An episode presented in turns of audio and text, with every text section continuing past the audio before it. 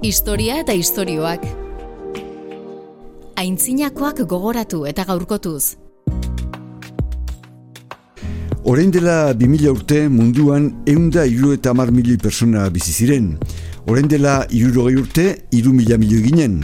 Gaur egun, ia sortzi mila milioi gara eta hoeta mar urte barru amar mila milioi izango garela diote aurre ikuspenek. Demografia izango dugu izpide gaur Jose Javier Zurikarai soziologoarekin. Lehen da bizi jakin behar dugu zer den demografia. Ba hori da gure inguru neurbilaren irudi bat datuen bitarte sortzea, ez? Eta honela gure gizartean nolakoa den jakin dezakegu. Populazioa azten ari da, baina modu oso desorekatuan. Afrikan adibidez, zerotik amalaura bitartekoak euneko berrogei dira, eta iruroitik gorakoak bosko masei. Europan aldiz daukagu, euneko amasei gazte eta euneko geita zei nagusi. Demografia, populazioaren azkundea, horrek sortzen dizkiun arazoak eta eman dakizkieken erantzunak eta konponbideak gaur aztergai Jose Javier Zurikarai eustateko soziologoarekin. Historia eta istorioak Juan Josan Miguelekin. Historia, nazioartea eta giza iragana ahots hautatuen eskutik. Elkarrizketen bidez, gizakiok gaur egunera arte ekarri gaituzten bideak jorratuz. Jose Javier Zurikarai soziologoa da, Eustat, Euskal Estatistika Erakundeko Zabalkunde eta Marketing Arduduna, gazteizko udaletxan ere lan egin zuen. Jose Javier, zemoz? Ondo, ondo esan beharko. Demografia zitzein behar dugu. Demografia giza populazioaren eta bere ezaugarri guztien azterketa da. Giza talde baten sortzen diren gora beren jarraipena nola esateko. Zuek eustaten zer da ikertu eta aztertzen duzuena? Bueno, oro harre ustaten, ba, bueno, estadistika ofizialak egiten ditugu, ezta? Eta zer da estadistika ofizialak ekoiztea? Ba hori da gure inguru neurbilaren irudi bat datuen bitarte sortzea, ez? E, datuen irudia egiten datuek irudia egiten laguntzen digute bai eta honela gure gizartean nolakoa den jakin dezakegu. Eta jakina biztaleriari begira, zein ekonomiari, hezkuntza osasungintza eta bar. Orduan datu hori ezin bat eta zehatzagoak izan irudiak ba kalitate handiago izango du bai eta hortik abiatuta hartuko diren erabakiak ba printzipioz ondo oinarrituak egoteko aukera badago. Orduan, biztanleriari buruzko estatistiketa zari garenean, ba, e, jakina, demografiari buruz ari gara. E, guk, ba, berez, Euskadiko biztanleriari buruzko datua jasotzen ditugu. Orduan, e, badaude batzuk e, berezko mugimendu bezala kontsideratzen direna. Hau da, jaiotzak, eriotzak eta eskontzak. Norbait epentza dezake eskontza berezkoa den edo ez. Baina modu batera erobestea e, ugaltzeko bikoteak sortzea gizakiaren berezko zerbait da, bai? E, beste kontu bada hori nola gauzatzen den gaur egun edo nola izan ziteken garai baten. Eta ero badaude ere migrazio mugimenduak, ez dira berezkoak. Hau da, e, batek bere bizileku aldatu dezake edo ez. Baina oso arruntak dira, oso ohikoak eta e, batetik bestera ibiltzen gara bizilekua aldatuz. Orduan hortik abiatuta, ba, gure biztaleriaren egitura ezagutu dezakegu, zein garen, non jaioak, zein mugitzen garen, zein adintarte dira ugarienak, eta abar. Zein izango izateke datu bilketa horren helburua edo zertara darama datu bilketa horrek? Ba, diotsudan bezala bizkat, e, nola gauden zelakoa garen e, jakiteko irudi hori osatzea da helburu nagusia. E, espadakigu e, gure biztanleriaren egitura nolakoa den, espadakigu zeinbat gazte edo zeinbat nagusi dauden, nekez e, hartu izango ditugu e, erabaki egokiak e, gure bizitzako hainbat arlotan, ez? Orduan, mm. helburu nagusia hori da, datuak ekoiztea erabaki zuzenak hartzeko. Gizakion kopurua abia da undian, azte hasi zen, orain dela eunda euro gehi, eunda euro eta marurte inguru. Orain dela gehi urte zate bateako, iru mila milioi ginen munduan, gaur egun sortzi mila milioitik gertu gaude.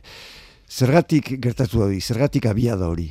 Bueno, hor, e, historiara jo barko enuk ez da. E, biztaleriaren askundea oso lotuta dago bizi baldintzen hobekuntza batekin e, normalean biziraute alburu nagusia den gizartetan ugalkortasun handia dago, baina eriotzak ere oso ugaria dira baita. E, bai jaio berriena, bai gazteena eta alduena. Horrela, asko jaiotzen dira, baina gutxi heltzen dira zahartzarora. Baldintzak aldatzen diren momentuan, hor sortzen da iraultza.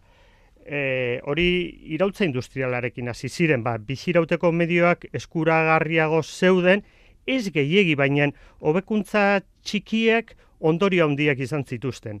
Eta orduen, umeta jaio berrien eriotzak pila gutxitu ziren eta hainbat gaixotasunen larritasuna bitare zeharo jaitzi zen, ez? Orduan, askundea pizten da. E, gertatzen dena da, hori ez dela gertatu mundu osoan aldi berean, bai? Herrialde askoren egoera duela gutxi arte ez du bera egin inundik inora ere ez. Eta orduan, e, estanda demografikoa zen bastar guztietan aldi berean hasi. Europa eta Ipar Ameriketan hasi zen gutxi gora bera, ondoren Asia eta Ameriketan, eta orain Afrikako leku batzutan. Batzuk hitz egiten dut alako transizio demografikoa dela fenomenoa. Hau da, lehenbizi, biztaleriaren askunda piztu egiten da, gero umen batez bestekoa ere geisten doa, baina askunde tasa berez, e, biztaleriaren askunde tasak oso handia dira, eta azkenik ba, zaharkitze prozesua hasten da. Nola baitiru fase horiek gertatzen dira. Leku guztietan berdina da? Antzerakoa. E, momentuz historiak hori adierazten digu. E, Europako herrialde aurrera hartuenetan eta Japonian eta estatu batuetan gertatutakoaren bide beretik doaz e, neurri baten Asiako herrialde askok. Nabardura daude jakin eta asko dira, ez? Baina hori gertatzen ari da eta Afrikan ere ikusten ari gara nola e, naiz eta oraindik ugalkortasun tasa handiak dauden dagoeneko leku askotan jeisten hasi dira. Duela 10 mm. urte agian 4,5 edo bostume e, emakume bakoitzak orain lau. Oda, mm. mm mhm. pixkanaka badoaz, hori bai, zein puntura arte jarraituko duten ero ez, besteok egindako bidea, ba hori ez dakigu, baina mhm. ematen du bai badagoela horrelako e, joera hori.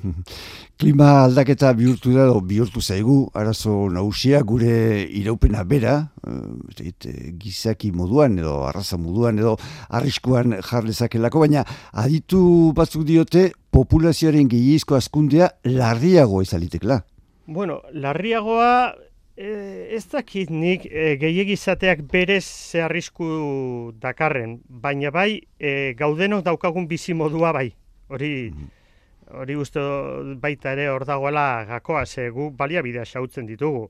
Mm e, herrialdea beratxetan asko kontsumitzen dugu, eta horrek eragin handia dauka baina gero gutxiago daukatenek ere beraiek baita nahi dute nolabait e, bizimodu materiala hobetzea. Eta orduan e, garapen bidean dauden herrialde kurrengo urteetan e, ez dute zertan biztaleriaren askunde haundi haundirik izan, baina bai bertan daudenek e, hobekuntza ekonomikoarekin gehiago kontsumitu dezakete, asko ere gehiago. Orduan, nik uste dut, bai, egia da, asko izateak eta gehiegi ugaltzeak arazo bat daukala bere baitan, baina batez ere gaudenok egiten duguna, eta e, hor ere hor dago hauzi handi bat, ez kontsumorako daukagun joera behin maila ekonomiko bat lortuta horrek ez duela ematen atzera egiten dueni. Bro, galdera honi lotutako da. Tomas Maltuz da gaur egungo demografiaren aita esan genezake, honek emeretzi mendean askundea hain azkarra etzenean zion, arriskoa dugula, populazioa bizirik irauteko ezinbestekoa ditugun baliabidea baino azkarrago azteko. Hau da, jende gehiagotea eta jende horren oinarrizko beharrak asetzeko aina baliabiderik ez izatea. Bete aldira, aurre ikuspen horiek? Bueno, nik uste dut, bai eta ez. Osea, ni ez nahi sinor olako autore klasiko bat kolokan jartzeko, ez? Baina, bi gauza kontutan hartu behar ditugu e, bere idatzietan garaiko ingalaterran gertatzen zena zen abia puntua.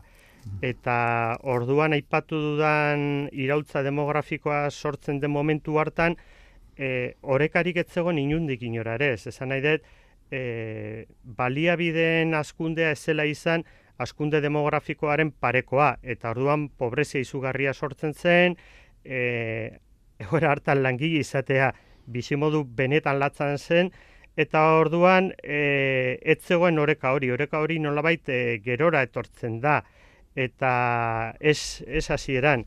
Orduan, e, ez denez aldi bereko gauza bat, askunde ekonomikoa eta askunde demografikoa, ba hor berak bizi izan zuen horrelako e, desoreka handiura. E, bestalde, berak uste zuen, ja, janariak ekoizteko lurraren gaitasuna mugatua zegoela modu naturalean, ez? Eta bueno, gerora ikusi izan da hori ez dela bete, hau da, oinarrizkoa diren gauzak ekoizteko munduak ba eh hobekuntza teknologikoaren bitartez eh gaitasuna demostratu du. Baina kontua da eh janaria ekoiztea dela gauza bat eta gu kontsumitzen duguna zer den eta zer ez den, eh? Orduan eh guk azken urte luzauetan gure bizi iraupena kolokan jartzen ari gara gure ingurune naturala xautzen dugulako. Nik ez dakit, uste dut berak bai e, gauza bat oso garrantzitsua uste dut e, adierazi zuela, ez? Eta da e, askundearen eta baliabideen arteko oreka behor, beharrezkoa dela, eta ideia hortan aintzindari izan zen. Ez da hori populazioen askundun edakarren e, desoreka bakarraz, esan dugu populazioa azkarazten ari dela, baina desoreka begibisteko dira, esatu bateko, Europar batasuneko bataz besteko adina, berro eta lau urteira, eta Afrikakoa hemen sortzi egit. Alde batik zein da esplikazioa eta bestetik hori orekatu liteke nolabait. Bueno, bai, e, bueno, guri gustatzen zaigu eroitura daukagu biztanleriaren batez besteko adina baino egitura hitz egitea, hau da. Zahar eta gazteen arteko portzentaieta hitz egitea. Orduan, Afrikan adibidez, zerotik amalaura bitartekoak euneko berrogei dira. Eta iruroitik gorakoak bost koma sei. Europan aldiz daukagu euneko amasei gazte eta euneko hogeita sei e, nagusi. Honek adierazten digun lehenbiziko gauza da, ba, bueno, Afrika badagola transizio demografiko horren astapenetan. E, lehen aipatu ditudan bezala, ba, adierazle batzuia nolabait e, asaltzen dute haiek ere izan dute hasierako estanda eta ugalkurtasuna handia izanik ere pizkat e, gutxitzen doala eta bizitzaropena ere e, igora handia izaten ari da, ez? Eta baita ere hiriak e, hiriek daukaten askundea izugarria da. Orduan, e, nik esango nuke Afrikan gertatzen ari dena da, ba, e, guk bizi izan dugun egoera baten astapenetan daudela nolabait. Eta orduan, e, ba, horrek e, asaltzen du e, alde hori. Eta badago beste gai bat ere, ez, eh? Mm, normalean aldaketa hauek hasi baino lehen, landa eremuetan, ba, seme alaba kopuru handia izan ohi da, ba, nola baiteko behar batzuk asetzeko. Jente hirietara bizitzera doanaean, e, horren beste seme alaba ukitza ez da horren beharrezkoa izaten, baina aldaketa hori ez da bapatean sortzen.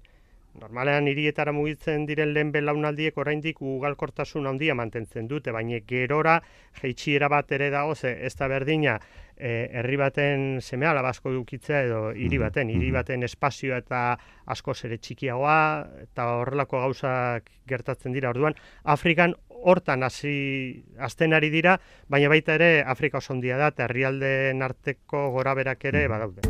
Historia eta istorioak. Hitza, hotsa eta soinua. E, lehen esan duzu, jaiotza tasa eta eriotza diela gutxorera populazioaren gora berak finkatzen dituztenak.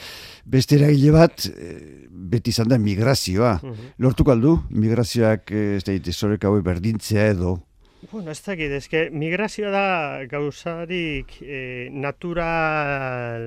E, Bai, beti egon da, hori bai, garbi dago, bai. baina gaur egun daukaguna da e, politikak daukan e, be- bete-beteko eragina, ez da? Mhm. e, nire kali dakidalari parkatu, munduan sekulazte egon jentearen joan etorri guztiz librea. Hori ez da existitzen. Hori gela, egia. Batzuk, batzuk bai, aukera izaten dute, eta batzuk, momentu hauetan, badaukagu gure kabuz batera eta bestera joateko aukera, baino gehienok ez. Eta hori inoiz ez da horrela izan.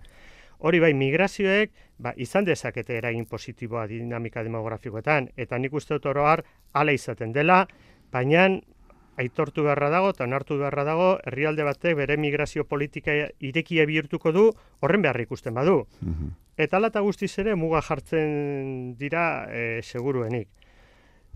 adibidez, Euskadin ikusi duguna, azken urteetan, mm, ba, etorkizunek izan nahi dute ugalkortasun zifra handiagoak, ume gehiago dituzte eta sarritan gazteagoak. E, seguruenik, beraien jatorrizko herrialdetan dauden egoera eta oituren jarraipen bat da, ez? Eta e, hori ez duzu bapatean zure barrutik entzen.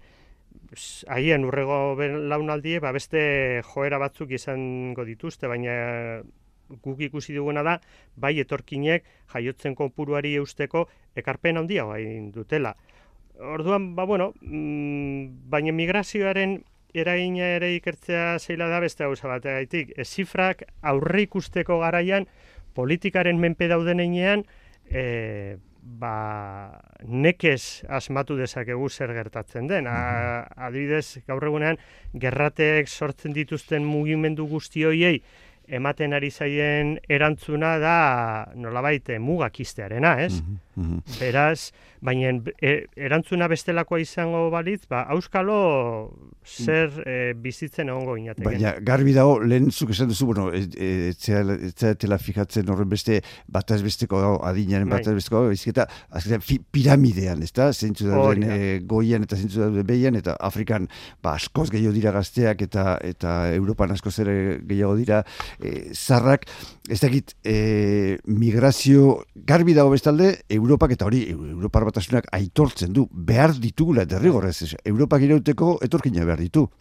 Orduan ez dakit hor, e, ze gertatuko, baina nik uste dut epe motzean zerbait egin beharko dela, ez dakit ez, ze jutze Bai, bueno, hori gertatzen dena da, jo, gauz horiek ere epeluzetara diren prozesuak eta fenomenoa direnez, ba, nik uste dut, agintari politikoek askotan epe laburragoak bizi dituztela eta zaila egiten bai, zaiela bai, bai, alako erabakiak hartzea.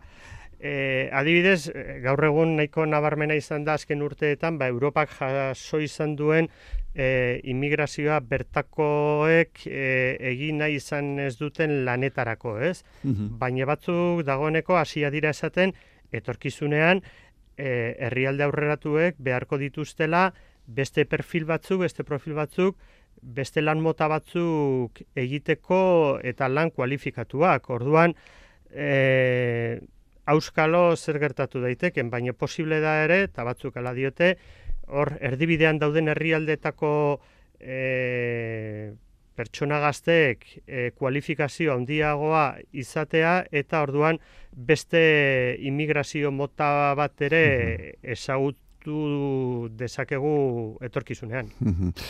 E, lehen, bueno, e, aurre ikuspenaren izan dugu nola azkartu den e, azkundea eta batez ere azkenen urte hauetan, eta, bueno, e, aurre ikuspen batzuk diote, ba, laizter e, amar mila militera itxiko garela. Hala ere, baude beste batzuk diotenak, e, ez ez, e, ez dela horren beste erako izango, e, bestea bestet, zu lehen aipatu zuen kontu bategatik, e, gero eta jende gehiago bizi delako hirietan horrek, ez egite, mugatuko du edo geldituko du azkundea?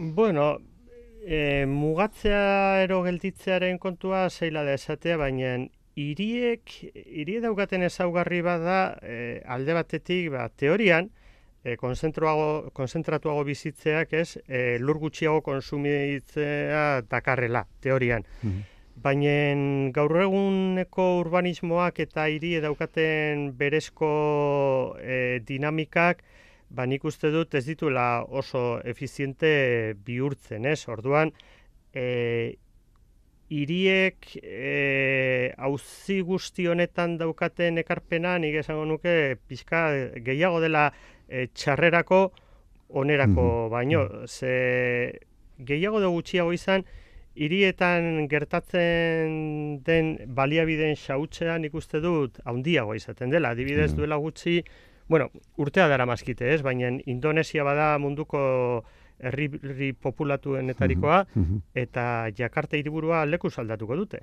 Yeah. E, ba, gainezka induelako, ja kolapsoa gainean mhm, daukate eta ezer ezetik sortuko dute hiri bat hiriburu izateko, ez? Orduan, irigintzaren papera hausi guzti honetan zein den, e, ez dakit, ni arraroa ez, ni, niri iruditzen zai pizka kaltegarria dela, ez? Badira horrelako e, zulo beltz bezalako batzu, Mhm. irentxi egiten dituztenak, eta hortik ezerronik aterako nukenik. Hor, bueno, eh, hori ala da, baina lehen zuk esaten zenuna, ez da, normalean e, ba, landa ere muetatik e, irietara joaten da jendeak, edo e, herrial, garapen bidean dauden herrialdetatik lehen mundura etortzen direnak nola esateko, aur kopurua, edo semalaben kopurua desente jiste dute, eta orduan, bueno, horti joan daiteke. Baina, beste desoreka bat, iriak eta landa ere mua edo herritako kaleko txikiagoen arteko aldea, gero eta handiagoa da. Hori ere, ez tekit, horre nola bideatu liteke hori posible da horre nola horrekatu ezakegu hori. Bueno, e, gure kasuan nik uste dut, adibidez, Euskadiko kasuan, ba, e, arazoren batero badago, baina herrialde txikia gara, eta gertatzen da, landa eremua ere hirietatik oso hurbil dagoela, bai, ez? bai. Eta orduan, e, nik ez dut, e, kasu konkretu batzuk enduta ez dut arazo larririk edo handirik ikusten. Baina egia da, beste herrialde batzutan daukaten egoera latza dela.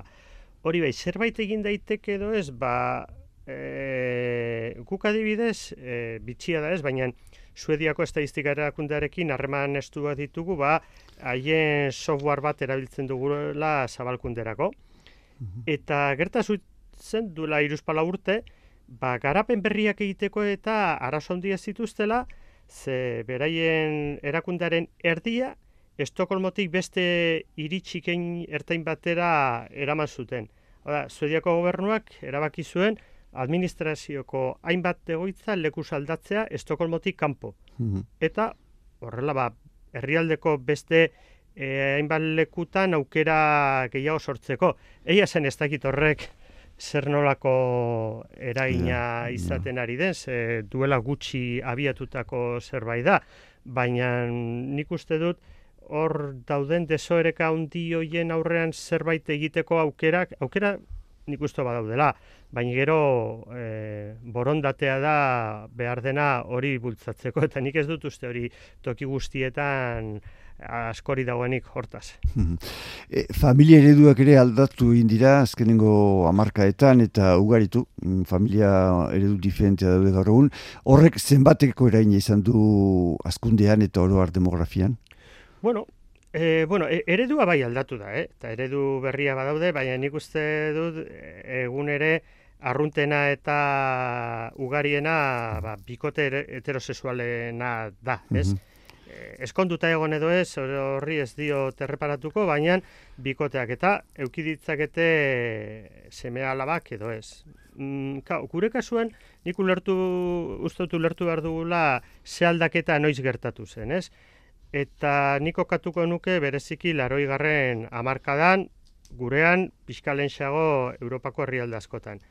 Eta aldaketa hori izan zen, ba, belaunaldi berriak erabaki zuela, ez zituztela seme alabari nahi edo gutxiago nahi zituztela. Hori lehenago zen existitzen, baina ohitura eta ideologia ba, gure kasuan ba, Franco hil ondoren etorri zen. Or- Orduan, mm familia eredu tradizionala nik uste dut garai ilun hoiekin lotzen dela nolabait, ez? Eta horren kontrako jarrerak ere sortzen dira, baina nire ustez garrantzitsuena izan zen e, emakumeen bizimoduaren aldaketa. Hau da, e, emakumeak beraien bizimoduaren jabe izaten hasten diren momentutik beste aukera batzu eraintzat hartzen dituzte. Amatasuna ez da Ja. derrigorrezko e, funtzio bat, nolabai, ez? Bai, bai. Eta bestalde ere, ba, lan merkatuan ere parte hartzea e, izugarri handitzen hasten da, eta orduan e, ideologia aldaketa horrekin ba, familia ereduaren aldaketa dago, ez? Baina familia eredu aldaketa e, dator bat e, ugalkortasunaren gutxitzarekin, hau da, bi fenomenoak aldi berean ematen dira. Batak ez du nolabait bestea ere egiten, baizik eta momentu berean gertatzen diren e, fenomenoa dira. Orduan, e, bueno, gero ba daude nabardurak, ez? Baina familia Ez, ereduak... zalantzarik gabe esan duzuna emakumearen, ba hori ez, e, bere papera aldarrikatzea eta pixkat e, paper hori aldatzeak, igual eragin gehi izan du familia eredu, baino. Nik uste dut e, hori izan dela segurazki egon den gakoa. Emakume izan da e, protagonista e, gu jasan dugun azken urte luzetako e, gizarte aldaketan eta e, bere nolabaiteko askatasuna ze, ba, garatzen denean e, gizarteak behartzen zituen funtzioak e, aukera bihurtzen diren momentuan, ba, claro, e, gauzak aldatzen dira e, goiti bera. Hombre, gizonezkoek ere e, hortan parte hartzen dute, baina protagonismoa nik uste zalantza izpirigabe emakumeena izan dela. Historia eta istorioak. Itza, ahotsa eta soinua aztarna zahar eta berrien oihartzuna. Txinan askundea etena izazuten, ba, Txina undela urte batzuk eh, mila, militik gora pasa, eta ja, mila talaren seme alaba bakarraren politika ezarri zuten, baina dirudinez horrek arazoa konpondu beharrean arautu inditu arazo batzuk eta beste batzuk sortu gainera.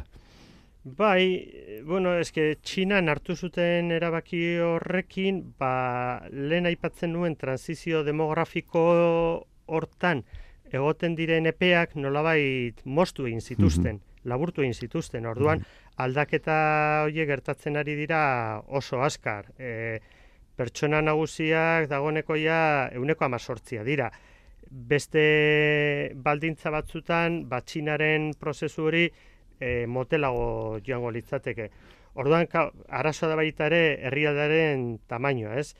Eta e, askunde ekonomikoa bai izugarria izan da, baina haiek ez dut orain sortu gizarte segurantza sistema sendo bat zarkitze prozesuari aurre egiteko. Da, hori mhm. prozesua pixka motelago izango balitz, litekeena zen ba, e, gerora nagusia izango diren pertsona horiei e, ba, baliabideak e, helarazteko ba, aukera gehiago ukitzea.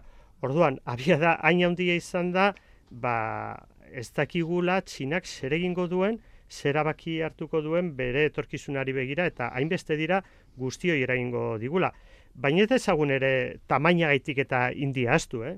India txina harrapatu. Bai, bai, bai, bai harrapatu du, harrapatu du, du. Bai, bai. Eta, eta, eta, e, etorkizunean bi herrialde hain desberdin eta gauza batzutan hain berdinak izaten ari diren hoiek mhm. zer egingo duten, ba izango du kristolako eragina mundu guztian. Bai. E, demografiaren azterketa erak eta lehentasunak aldatzen doaz. E, gaur egun, zentzu ira, zentzu ira ba, zuen, e, besta egite, azterketa gure nagusiak, eo zertan fijatzen zaite, o zein ematen diozue lehentasuna edo? Bueno, e, gu eustaten ekoizlea garen einean, ba, gu beti nolabait e, datuak hobetzea daukagu helburu nagusi, ez? Baina nik esango nuke demografiaren erronka gaur egunean, bueno, beti lotu izan dira nolabait arazoekin, ez? Mal, maltu zen garaietatik katastrofismoa ematen du e, demografiaren ezaugarri badela, bai? Mhm. Eta orduan gaur egun nik uste dut hiru ardatz nagusi daude ikerketetan, bata da sarkitze prozesua nola gauzatzen ari diren eta horrek izan dezakeen e, eragina, bestalde ere migrazio mugimenduen e, inguruan gertatzen nahi den guztia, zeulertu behar du ere, e, gizakia daukan mugikortasun gaitasun e, fisiko eta teknikoa gaur egunean izugarria dela, izugarri handia da. Eta mm jentea batetik bestera dabil e, ba, modu oso intentsibo baten. Eta gero badago ere, nik ez dakit hori demografiarekin zuzenean lotuko nuken edo ez, baina neurri baten bai, eta da, e, irien, irien askundea, mega iriak eta kau, guk hori ez daukagu gure inguruan, sorionez. Mhm, ni, mhm. ni oso posit nago gure irien e, tamainoa ez ez dut e, beste makroiri hoien e, beharrik ez, baina orduan, hor daude batez ere erronkak. E, gero egia da, estadistika erakundetan, ba, gu nahi eta nahi ez datu ekoizlea garen einean, ba, gu asko erreparatzen dugu adibidez, tokian tokiko datuei, hau da, ba, e, udalerri mailan eta datuak e, ekoizteko gaitasun handiagoa eukitza, hau da, gure gizarteari zerbitzu eman behar diogun einean, ba, hori da beti gure helburu nagusia, ez? E, agian ez dugu horren beste behiratzen e, mundu globalean gertatzen diren gauzei, baizik eta gure inguru hurbileko datu horiek hobetzea izaten da gure helburu. Eta hori kontutan hartuta, ez da, pentsalitike Euskal Herrian, ba, Europako antzeako ezaugarria dituela hemengo demografiak, ala balditu ezaugarri propioak? Bueno, oroar antzerakoa dira, baina jo, e, aitortu beharra dago gauza batzutan nolabait esaterren gure datua txarrenak direla. E, Europan Euskadin bezain gutxi ume ez da, ez da inu jaiotzen. E, gu mila biztanleko 6,6 eta Europar batasunean e, bederatziko ma bat, ez?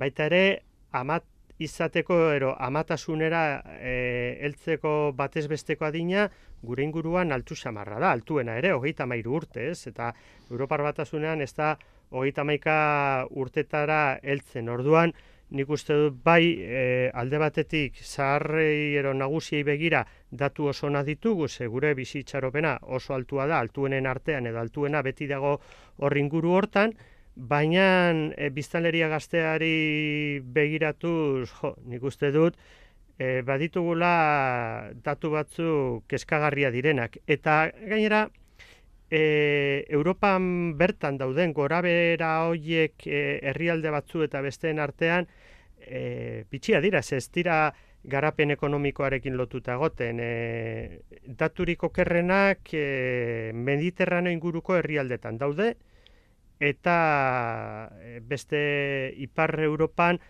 eta erdi Europan ere hor datu hobea dituzte.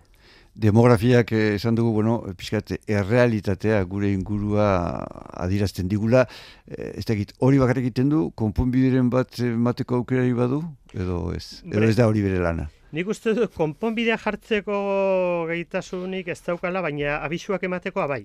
Hori, osea, demografiak, nolabait erakusten digu zer gerta daiteken modu nahiko e, argi baten. E, adibidez, e, orain, datorren urteetan jaioko direnen kopurua bera ingo du.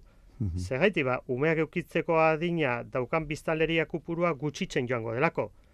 E, orduan, hori hor dago, horrek ez dauka e, baldin eta baldintzak e, mantentzen diren, horrek ez dauka beste irakurketaren beharrik ero beste zer, hor e, aldatu daiteke, ba, ba, bueno, haien neurriak hartu beharko lirateke, orduan, bai, nik uste demografiak ez daukala konponbideri, baina abisu, abisuak botatzen ditu eta neko argita garbiak. Gertatzen dena da, demografia daukan nolabaiteko arazo bada haien abisu horiek e, berandu hartzen ditugu laintzat. Ze fenomeno demografikoak epeluzera bihurtzen dira esanguratsu, eta bak, patekotasuna nagusi den garai hauetan, akaso beti izan da horrela ez, baina epe luzera pentsatzea asko kostatzen zaigu. Ba, da.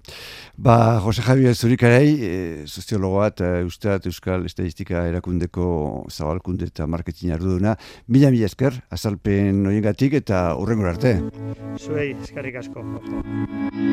Historia eta istorioak Juan Josan Miguelekin. Historia, nazioartea eta giza iragana ahots hautatuen eskutik. Elkarrizketen bidez, gizakiok gaur egunera arte ekarri gaituzten bideak jorratzen.